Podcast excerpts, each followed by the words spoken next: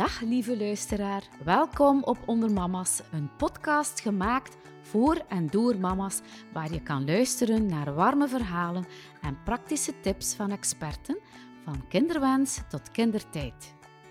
Ik ben Sonja Pijpaard, mama, auteur en jouw host in deze aflevering. Dag Carolien, uh, leuk dat je bij ons in de Onder Mama studio bent.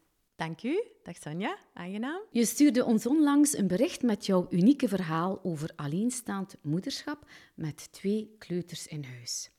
Dat sprak ons meteen aan en daarom hebben we jou uitgenodigd hier bij ons.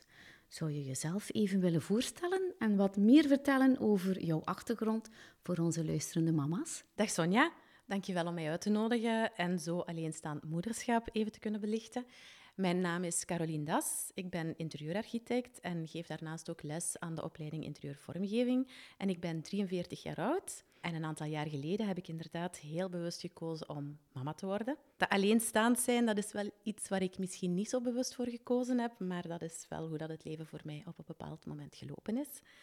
Um, ik ben dus mama van twee zoontjes. Maniel is vijf jaar oud en Louis is drie jaar oud. En wij wonen in een rijhuis in Antwerpen. En dat huis is veel te groot voor ons drietjes en daarom delen wij onze woning. Ellen, een goede vriendin van ons, die woont ook in ons huis. En we hebben nog een ruimte die we verhuren aan mensen die um, meestal voor een paar maanden in Antwerpen zijn, voor werk of voor studie. En zo wonen wij eigenlijk een beetje op kleine schaal, doen wij aan co-housing. En dat is mhm. meestal een fijne mix van mensen en dat geeft een goede vibe in ons huis.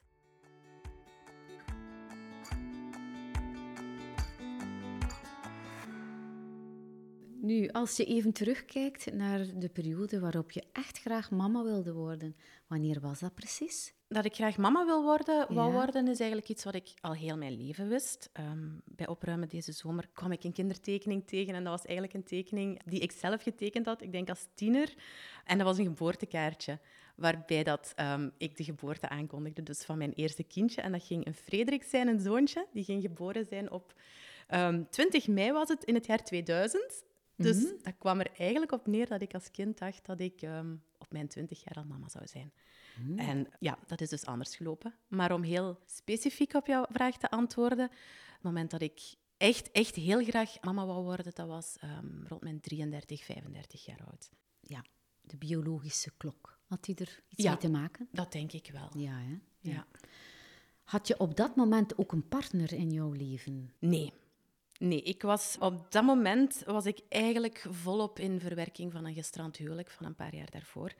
En een deel van die verwerking was dus om dat plaatje van verliefd, verloofd, getrouwd en dan ook kindjes natuurlijk achter mij te laten. En dat was moeilijk. Dat was een heel moeizaam proces voor mij, want ik had eigenlijk heel mijn leven rond mij um, niks anders gezien. Dus dat was een heel pittige periode. En na dat uh, verwerkingsproces bleef je steeds verlangen naar het moederschap. Hè? Op een gegeven moment kon je gewoon niet langer wachten op kindjes. Dat klopt. Als vrouw loop je natuurlijk op een bepaald moment tegen een limiet aan, hè, waarbinnen dat je kinderen kan krijgen. Um, gewoon omdat je eicelreserve opraakt. Zo simpel is het.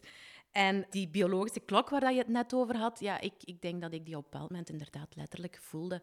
En je voelt de tijd dan wegtikken. En dat is niet aangenaam om dat te ervaren als vrouw. Daarbij kwam nog bij dat ik familiaal belast was met de mogelijkheid om een vervroegde menopauze te krijgen. Dus ik heb toen beslist om een gynaecoloog, een bevriende gynaecoloog, aan te spreken daarover. En ik heb mij jaarlijks laten opvolgen. En dat klinkt misschien wat formeel, maar ik wou dat op een bepaald moment gewoon weten hoe dat ehm, de stand van zaken voor mij was. Ja, ja, ja, ja, inderdaad. Dat is misschien wel fijn om aan de luisteraars mee te geven, is dat je je eicelreserve kan je laten testen. Um, en dan maken ze een echo en dan trekken ze ook um, jouw bloed. En dat is denk ik op de eerste twee dagen van jouw regels. En uit die waardes kan je dus weten waar dat je voor staat als vrouw. En dat heb ik laten doen. Maar misschien dat er wel vrouwen zijn die dat ook willen weten of dat niet weten dat dat kan, dan um, wil ik dat hierbij wel graag nog Inderdaad. Heel interessant. En hoe verliep dat dan voor jou, die aanloop naar jouw beslissing om alleen in een kinderwenstraject te stappen? Ik denk dat dat voor mij vooral een heel lang proces van rouwen was. Dat klinkt misschien wat negatief, maar dat deeltje afscheid nemen van het klassieke kerngezin waarbinnen kinderen groot worden, ik denk dat dat voor mij het grootste deel was wat ik eerst achter mij moest kunnen laten en daarmee in het reinen voor mezelf komen. Ja. Nu, het lijkt mij niet zo evident om dan uiteindelijk die knoop door te hakken om er alleen voor te gaan, of zie jij dit anders? Nee, zeker niet. Evident is dat niet. Zeker omdat ik stiekem bleef ik eigenlijk wel hopen dat er toch nog een man zou verschijnen in mijn leven, maar tegelijkertijd wist ik dat mijn kinderwens echt te groot was om dat van een partner te laten afhangen. En dan op mijn 37e verjaardag, of in mijn 37e jaar, heb ik mijn jaarlijkse controle van de gynaecoloog. Ik heb die wat voor mij uitgeschoven.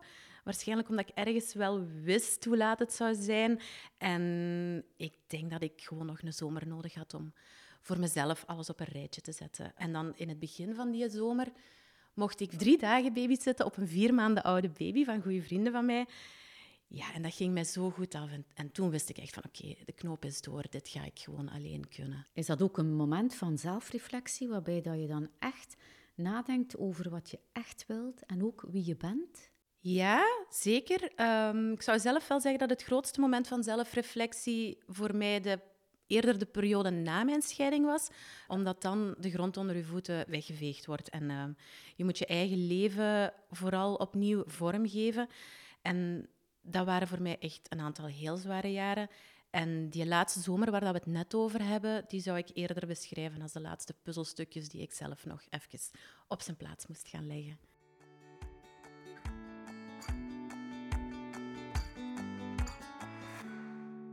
Je nam toen de beslissing om bewust alleen kinderen op te voeden en je begon informatie te verzamelen. Wat waren je opties als vrouw? Zoals je zelf aanhaalt, als vrouw heb je inderdaad opties. Ik ken een aantal mannen die ook een hele sterke kinderwens hebben, maar die kunnen ze natuurlijk niet zelf maken.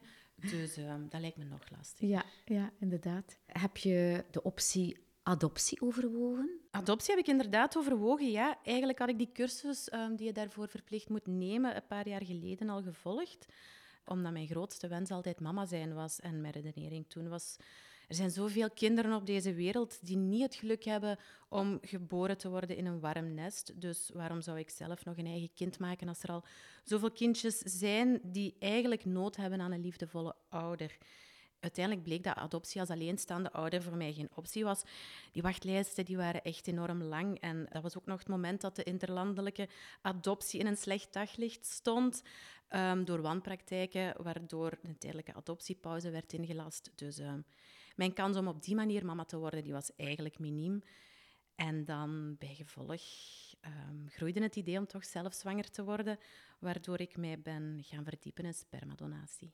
Maar bij anoniem donorschap, daar voelde jij jou niet zo goed bij. Waarom was dat? Dat is iets wat ik in die adoptiecursus voor het eerst mee geconfronteerd werd. Dat was eigenlijk verhalen van kinderen die hun biologische afkomst niet of slechts gedeeltelijk kenden.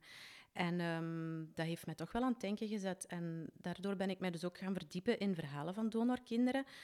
En werd het stilaan langzaam, maar zeker voor mezelf duidelijk dat ik het niet over mijn hart kon krijgen om een kindje bewust dan op de wereld te zetten die zijn of haar biologische achtergrond niet volledig zou kennen. Dat is misschien heel traditioneel van mij, maar voor mij voelde dat gewoon niet juist aan. En iedereen moet die beslissing vooral alleen voor zichzelf kunnen maken, denk ik. En ik krijg het niet uitgelegd aan mijzelf, dus ik zou dat ook nooit aan mijn kindje hebben kunnen uitleggen. Ja, en dan uh, moet je naar een plan B gaan. Ja, dat leek op dat moment voor mij wel meer plan E of plan F, waar ik mijn plan A van ging maken. Maar bon, um, ja, op het einde van de zomer had ik eindelijk de moed gevonden en mijn jaarlijkse afspraak bij de gynaecoloog ingepland. En daar kreeg ik dan te horen dat mijn waarden niet goed waren en dat als ik mama wou worden, dat het nu of nooit was. En dat was, um, ja, dat was echt een vreselijk moment. En na dat gesprek met de gynaecoloog heb ik eerst, denk ik, twee dagen non-stop gehuild. En toen dacht ik, um, bon, als we het dan toch weer moeten doen met alle kaarten die op tafel liggen, dan Caroline, ja, dan is het hoog tijd om er nu ook bij te leggen. Hè? en dat is iets wat ik, denk ik, in die zomer ergens in mijn achterhoofd aanwezig had. Dat werd toen ineens plots helder in mijn hoofd. En um, ik ging Erik, een vriend van mij, met wie ik nog samen gestudeerd heb, vragen om donor te zijn. En hoe komt het dat je voor Erik koos? Dat vroeg Erik mij nadien natuurlijk ook. Dat was puur gevoel. Um, de voorbije jaren heb ik geleerd om stilletjes aan weer op mijn gevoel te vertrouwen. En um, dat heb ik gewoon gevolgd. En stiekem vond ik het ook mooi meegenomen dat hij homo is. omdat ik zo wel zeker wist dat er in de toekomst geen vrouw in zijn leven kon komen en dat er ook niet een soort van plusmama voor mijn kindje zou zijn. Misschien toch niet onbelangrijk, um, dat argument, als ik er nu opnieuw over nadenk. Ja, ja, ja. ja. Had er goed over nagedacht. Hè? Ja, toch wel. Ja, ja, ja. En hoe stel je dan die bewuste vraag? Uh, wil je donorpapa worden of, of hoe ging dat dan? Gewoon zoals jij het nu vraagt, denk ik. Heel rechtstreeks en duidelijk. In ieder geval, um, op dinsdag zat ik bij de gynaecoloog. Op woensdagavond vroeg ik Erik om koffie mee te gaan drinken op vrijdag. En um, op vrijdag dronken wij koffie en vroeg ik hem op de man af of dat hij donor wou zijn. Hoe reageerde hij hierop? Zijn eerste woorden waren eigenlijk... Dat heeft mij nu nog nooit iemand gevraagd. Waarmee dat hij dus bedoelde dat hij daar ook nog nooit over had moeten nadenken.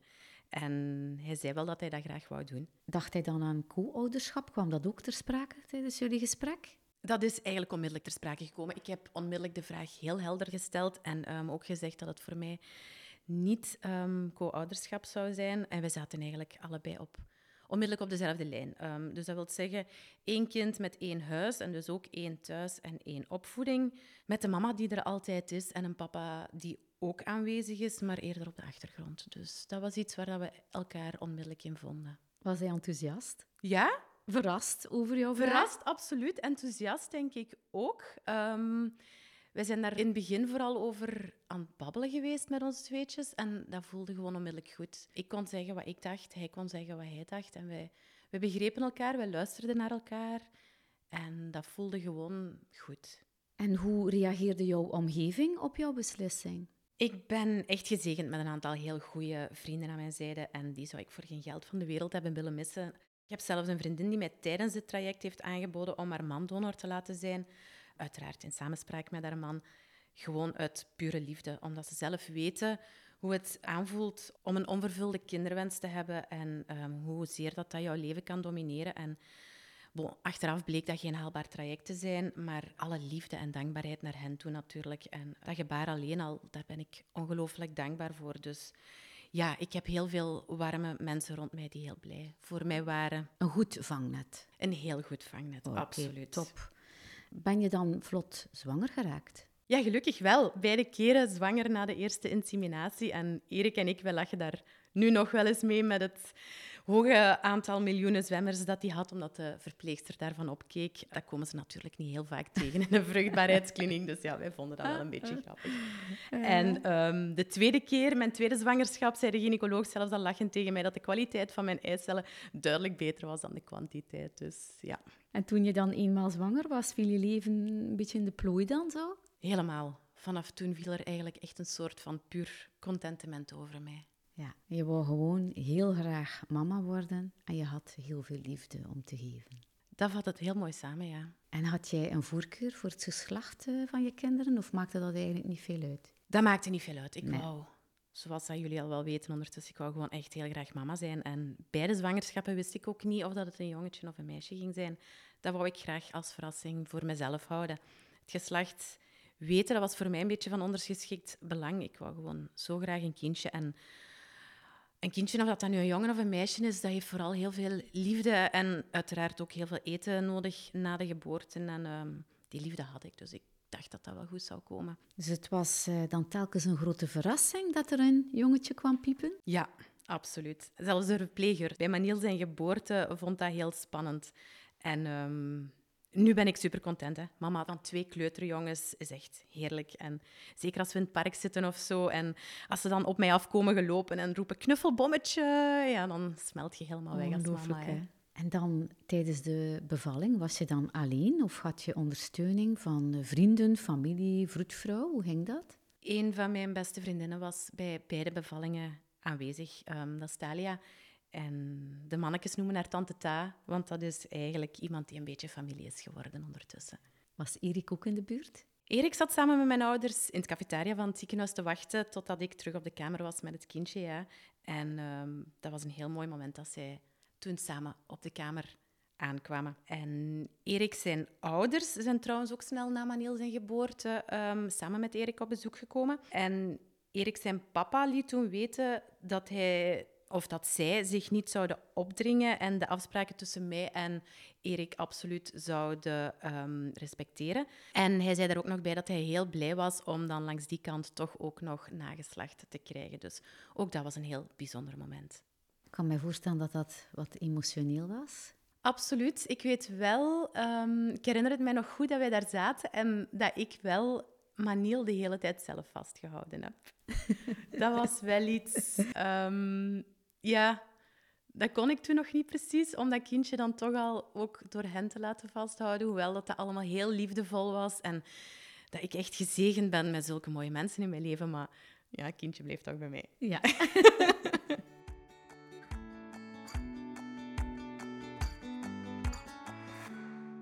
En wat dacht je toen al van er mag nog een tweede komen? Of was dat uh, een tijdje later? Nee, dat wist ik eigenlijk vanaf de eerste seconde nadat Maniel geboren was, dat er nog een tweede uh, bij ah. ging. Of ja, misschien is dat eerder iets wat voor mij altijd voor de hand heeft gelegen. Een broer of een zus in je leven hebben, vind ik persoonlijk zelf een grote meerwaarde. Um, dat zijn de enige personen met wie dat je echt alle levensfases doorgaat en met wie dat je dus echt je hele leven deelt. Ehm, dus broer en zus zijn van iemand is gewoon een heel uniek iets. En ja, dat wou ik sowieso. Ik heb daar nooit eigenlijk echt over nagedacht.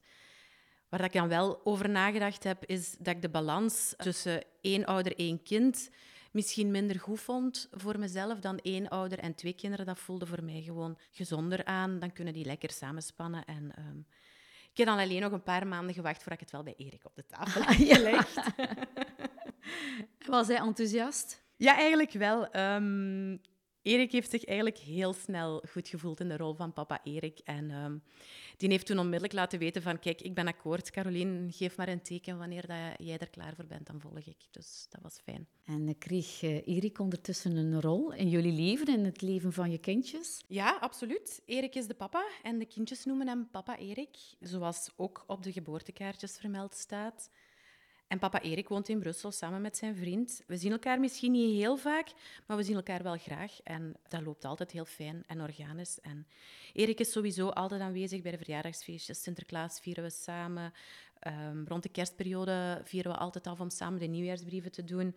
Vorig schooljaar is Erik zelfs eens een keertje meegekomen naar de kleuteroptreden op school. Um, dus ja, zeker aanwezig in het leven van de kindjes. En Erik is ook iemand die mij regelmatig vertelt dat hij mij de beste mama ter wereld vindt. Of die kan mij zo eens een berichtje out of the blue sturen van kijk, ik zit hier te aperitieven met een goede vriend en ik vertelde hem net hoe fier ik op jou ben en ik wou jou dat even laten weten. En ja, ja dan denk ik, wauw, ik heb echt de beste papa ooit voor Manil en Louis gekozen. Ja, ongelooflijk hè? Ja, toch wel. En nu om uh, even terug te komen op jouw tweede zwangerschap.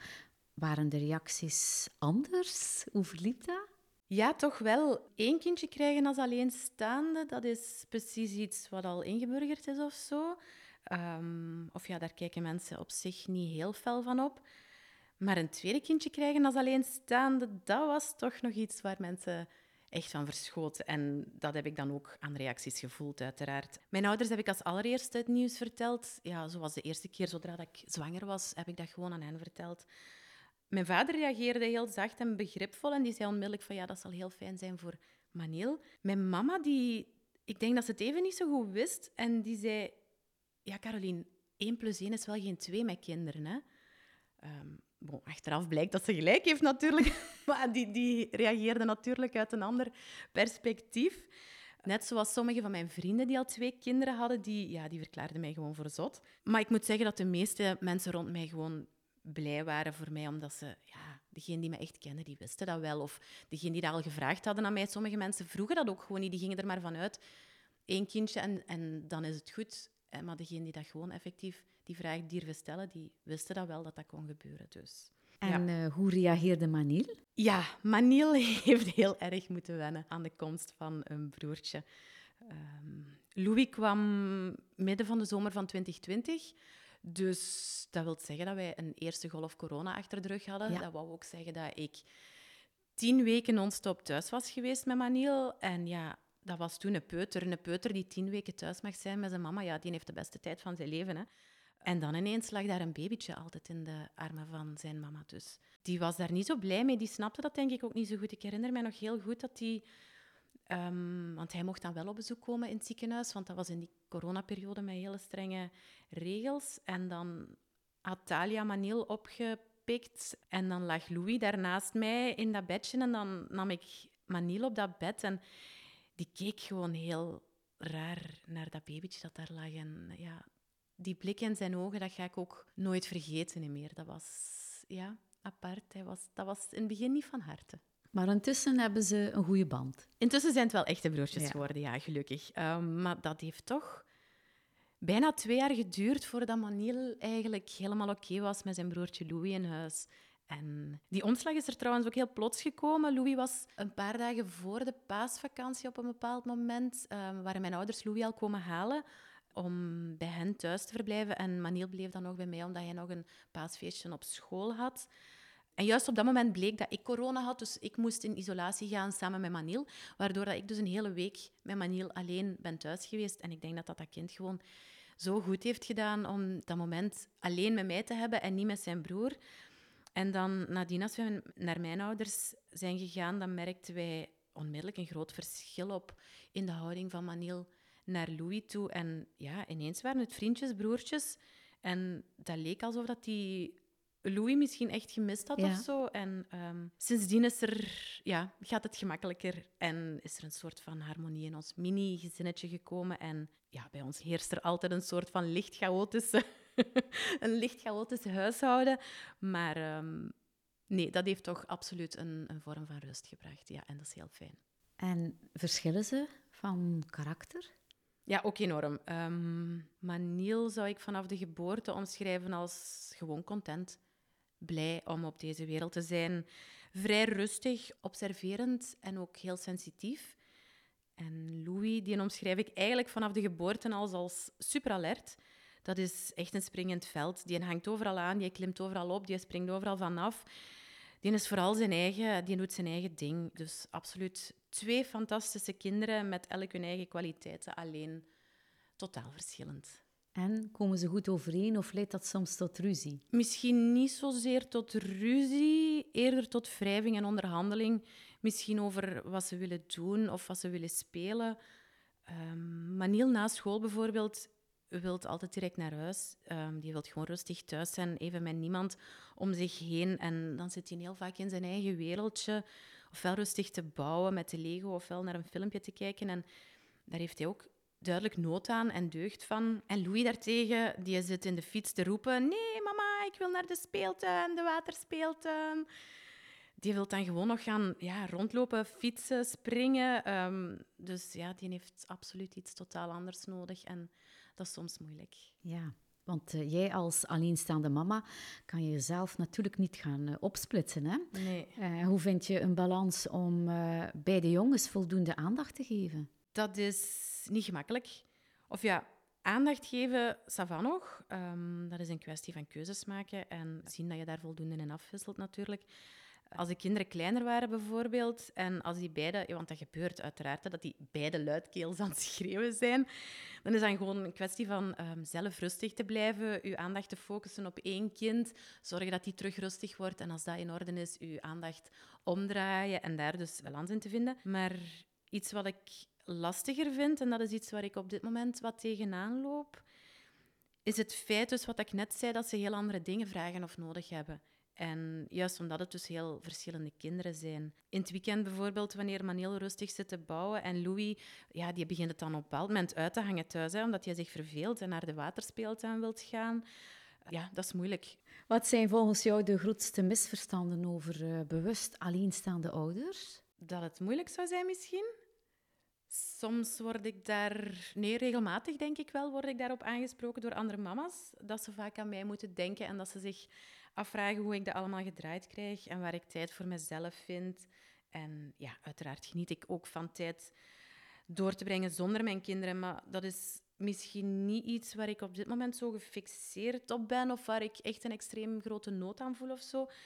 Ja, ik, ben, ik heb 37 jaar tijd voor mezelf gehad, dus ja, het zal wel goed geweest zijn, denk ik dan. Hè. En daarnaast voel ik ook wel dat er heel wat papa's echt oprecht um, gewoon chapeau tegen mij komen zeggen. Dat vind ik mhm. wel mooi. Ja. Maar om heel eerlijk te zijn, ik ervaar twee kleuters opvoeden niet echt als iets heel lastig of moeilijk. Juist omdat ik alleen staan ben, kan ik ook gewoon doen waar ik zelf zin in heb. En kan ik mijn eigen gevoel volgen zonder dat er iemand anders zijn mening of iemand anders zijn agenda naast gelegd moet worden. En ja, ik ben vooral dankbaar, denk ik. Dankbaar dat Manil en Louie in mijn leven zijn en, en dat ik het voorrecht heb om, om hen te leren kennen. Kunnen we dan zeggen dat uh, jij rust hebt gevonden in je leven, Caroline? Sowieso.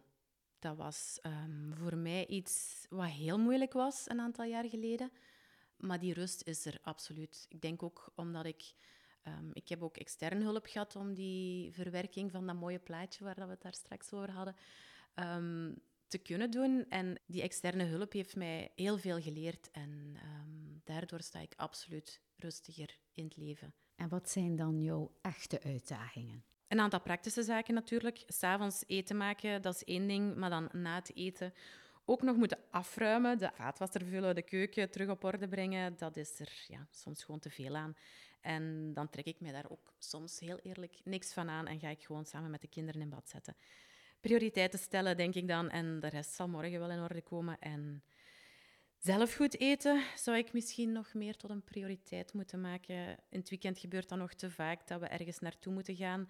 Ehm, dat ik de kinderen eten heb gegeven en dat we dan eenmaal onderweg zelf beseffen dat ik gewoon nog niet gegeten heb. Um, het zou fijn zijn als er af en toe zelf eens iemand voor mij kookt. Um, of vorig jaar bijvoorbeeld op mijn verjaardag zat ik in de speeltuin met een andere mama iets te drinken. En onze kindjes waren daar samen aan het spelen. Haar man was die avond niet thuis, dus ik zei van, weet je, kom gewoon bij ons eten. En omdat de kindjes, die hingen echt helemaal onder het zand. Dus zij zetten de kindjes alle vier bij mij boven in bad. En toen kon ik gewoon rustig het eten maken. En ik dacht echt van, amai, dit is een zaligheid. ik had ineens zoveel tijd, dus dat was misschien een van de eerste keer dat ik daar echt over nadacht van, wauw, ja, het kan ook wel echt anders, maar ik sta daar gewoon niet te veel bij stil, gewoon omdat, die, omdat ik niet anders weet en omdat die situatie zich niet zo voordoet. En de grootste uitdaging voor mij is toch wel de financiële kant van het verhaal. Dat is iets wat lastig is. Twee kinderen grootbrengen met de helft van een loon van een doorsnee gezin met twee werkende ouders is pittig. Gelukkig heb ik een aantal vrienden met goede smaak waar ik kleren van doorkrijg voor de kindjes. Ben ik heel dankbaar voor, want dat scheelt al heel veel. Boodschappen doen, is ook vaak lastig. Um, verse groenten en fruit zijn duur. Daarnaast ja, creatief omgaan met weekends, activiteiten. Gelukkig heb ik twee buitenkindjes die het fantastisch vinden om ook gewoon naar een bos te gaan en buiten te spelen en met takken te spelen. En um, picknicken met die twee bewegelijke kindjes is zelfs veel aangenamer nog dan ergens te gaan eten. Dus ook dat is mooi meegenomen. Maar weet je dat je eigenlijk twee grote helpende handen bij jou hebt? Want voor uh, het schrijven van mijn boek Peutermama's heb ik wat uh, opzoekingswerk gedaan. En ja? is gebleken dat peuters, kleuters heel graag helpen bij klusjes. Ja, dat klopt wel. De ramen wassen, dat doen ze extreem goed. maar dat trekt daarna op niks. Dan is het nog erger dan daarvoor. maar het is wel schattig. Ze doen wel mee. Ja, is dat. Ze doen mee al twee jaar, dus dat vind ik fantastisch. Um, stofzuigen vinden ze ook fantastisch om te doen. De vaat was in en uit truimen, dat gaat wat moeizamer. En een bord op tafel zetten, daar ben ik op dit moment aan aan het werken. Komt goed. Komt allemaal goed. Voilà. Nu geef je vooral heel veel tijd waar je kan. En dat is het allermooiste cadeau dat je aan hen kunt geven. Ik geef vooral tijd aan de kinderen, denk ik. Ik geloof daar wel in. Ja, ze, ze, zijn, ze blijven niet klein natuurlijk. Hè. Die zomermaanden nu, ik geef mijn tijd gewoon aan hun. Die zijn daar super blij mee. Kampjes, dat vinden ze niet zo fijn. Ik moet dat ook niet doen, want ik ben thuis. Dus ik ga dat vanaf volgend jaar ook gewoon echt gewoon niet meer doen.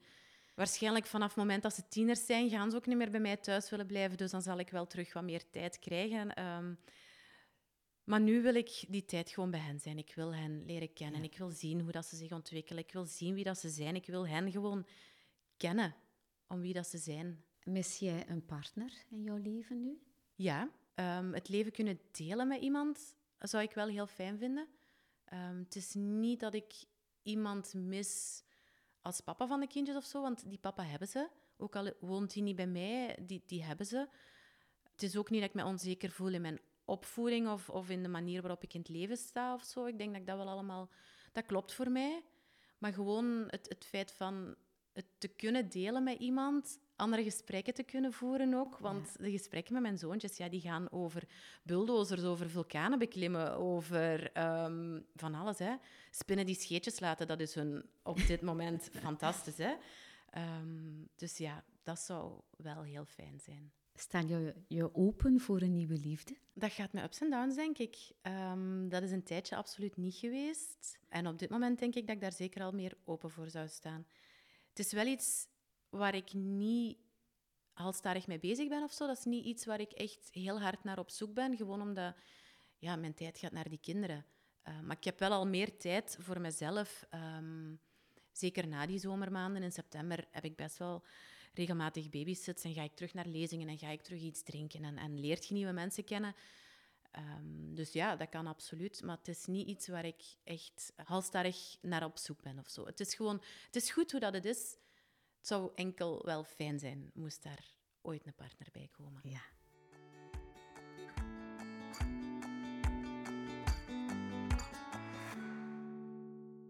En tot slot, Caroline, wat wil jij nog vertellen aan de luisteraar? Wat ik misschien geleerd heb de voorbije jaren, is dat iedereen het ouderschap gewoon heel anders ervaart. En dat het er misschien niet zozeer om gaat of dat je alleenstaand mama bent of niet, maar dat dat gewoon een persoonlijk verhaal is. En ik denk dat ik wel kan zeggen dat ik daar relatief makkelijk doorfiets of doorploeter door dat ouderschap. Maar ik ben wel overtuigd dat ik dat te danken heb aan het feit dat ik een heel moeilijke periode heb gehad voor die kinderen. En dat ik daar een hele lange weg heb afgelegd met een persoonlijke groei. En, en dat ik daardoor nu steviger in mijn schoenen sta. En ik heb niet de nood om, om een soort van perfecte moeder te willen zijn. Of, of ik probeer ook niet mijn huis constant netjes te houden. Want dat boeit mij minder. Ik ben gewoon wie ik ben en ik ben daar eigenlijk ik ben daar oké mee, ik ben daar tevreden mee. En bij mij hoort daar eenmaal een licht chaotisch huishouden bij. En ja, ik kom er soms wel eens achter, s'morgens dat er geen vers brood mee is. Ja, en dan sta ik daarna bij de bakker sandwichjes te smeren, zijn de kinderen eigenlijk super blij dat ze sandwichjes krijgen. En um, ja, dan lach ik daar eens goed mee bij de bakker. En, en het is helemaal prima. Dus ik wil het alleenstaand moederschap natuurlijk niet minimaliseren, maar um, ik denk dat het vooral om gaat van wie dat jij als persoon bent en dat elk verhaal anders is. Heel erg bedankt, Caroline. Ik vond het echt super fijn om jou te leren kennen. Dank om jou hier bij ons te hebben. Ja. En om jouw verhaal te delen. Hè? Ja, ik vond het toch ook wel spannend om dat zo allemaal op een rijtje nog eens luidop tegen iemand dat ik niet ken eigenlijk dan toch um, te zeggen. In elk geval, voor mij komt het over dat je een heel positief iemand bent, heel positief in het leven staat. En dat heb ik meegekregen vanaf mijn geboorte, ja, dat is wel zo. Ziet er een blij en gelukkig uh, mens uit, een mooi mens ook. Dus uh, een mooi voorbeeld voor alleenstaand moederschap. Dank je wel. Dank je wel, Sonja. Bedankt om er opnieuw bij te zijn in deze aflevering van de Onder Mama's podcast. Vergeet zeker niet om je te abonneren op onze podcast. Neem een kijkje op ondermamas.be en volg ons op Instagram voor extra warme content van zwangerschapswens tot kindertijd. Tot de volgende keer.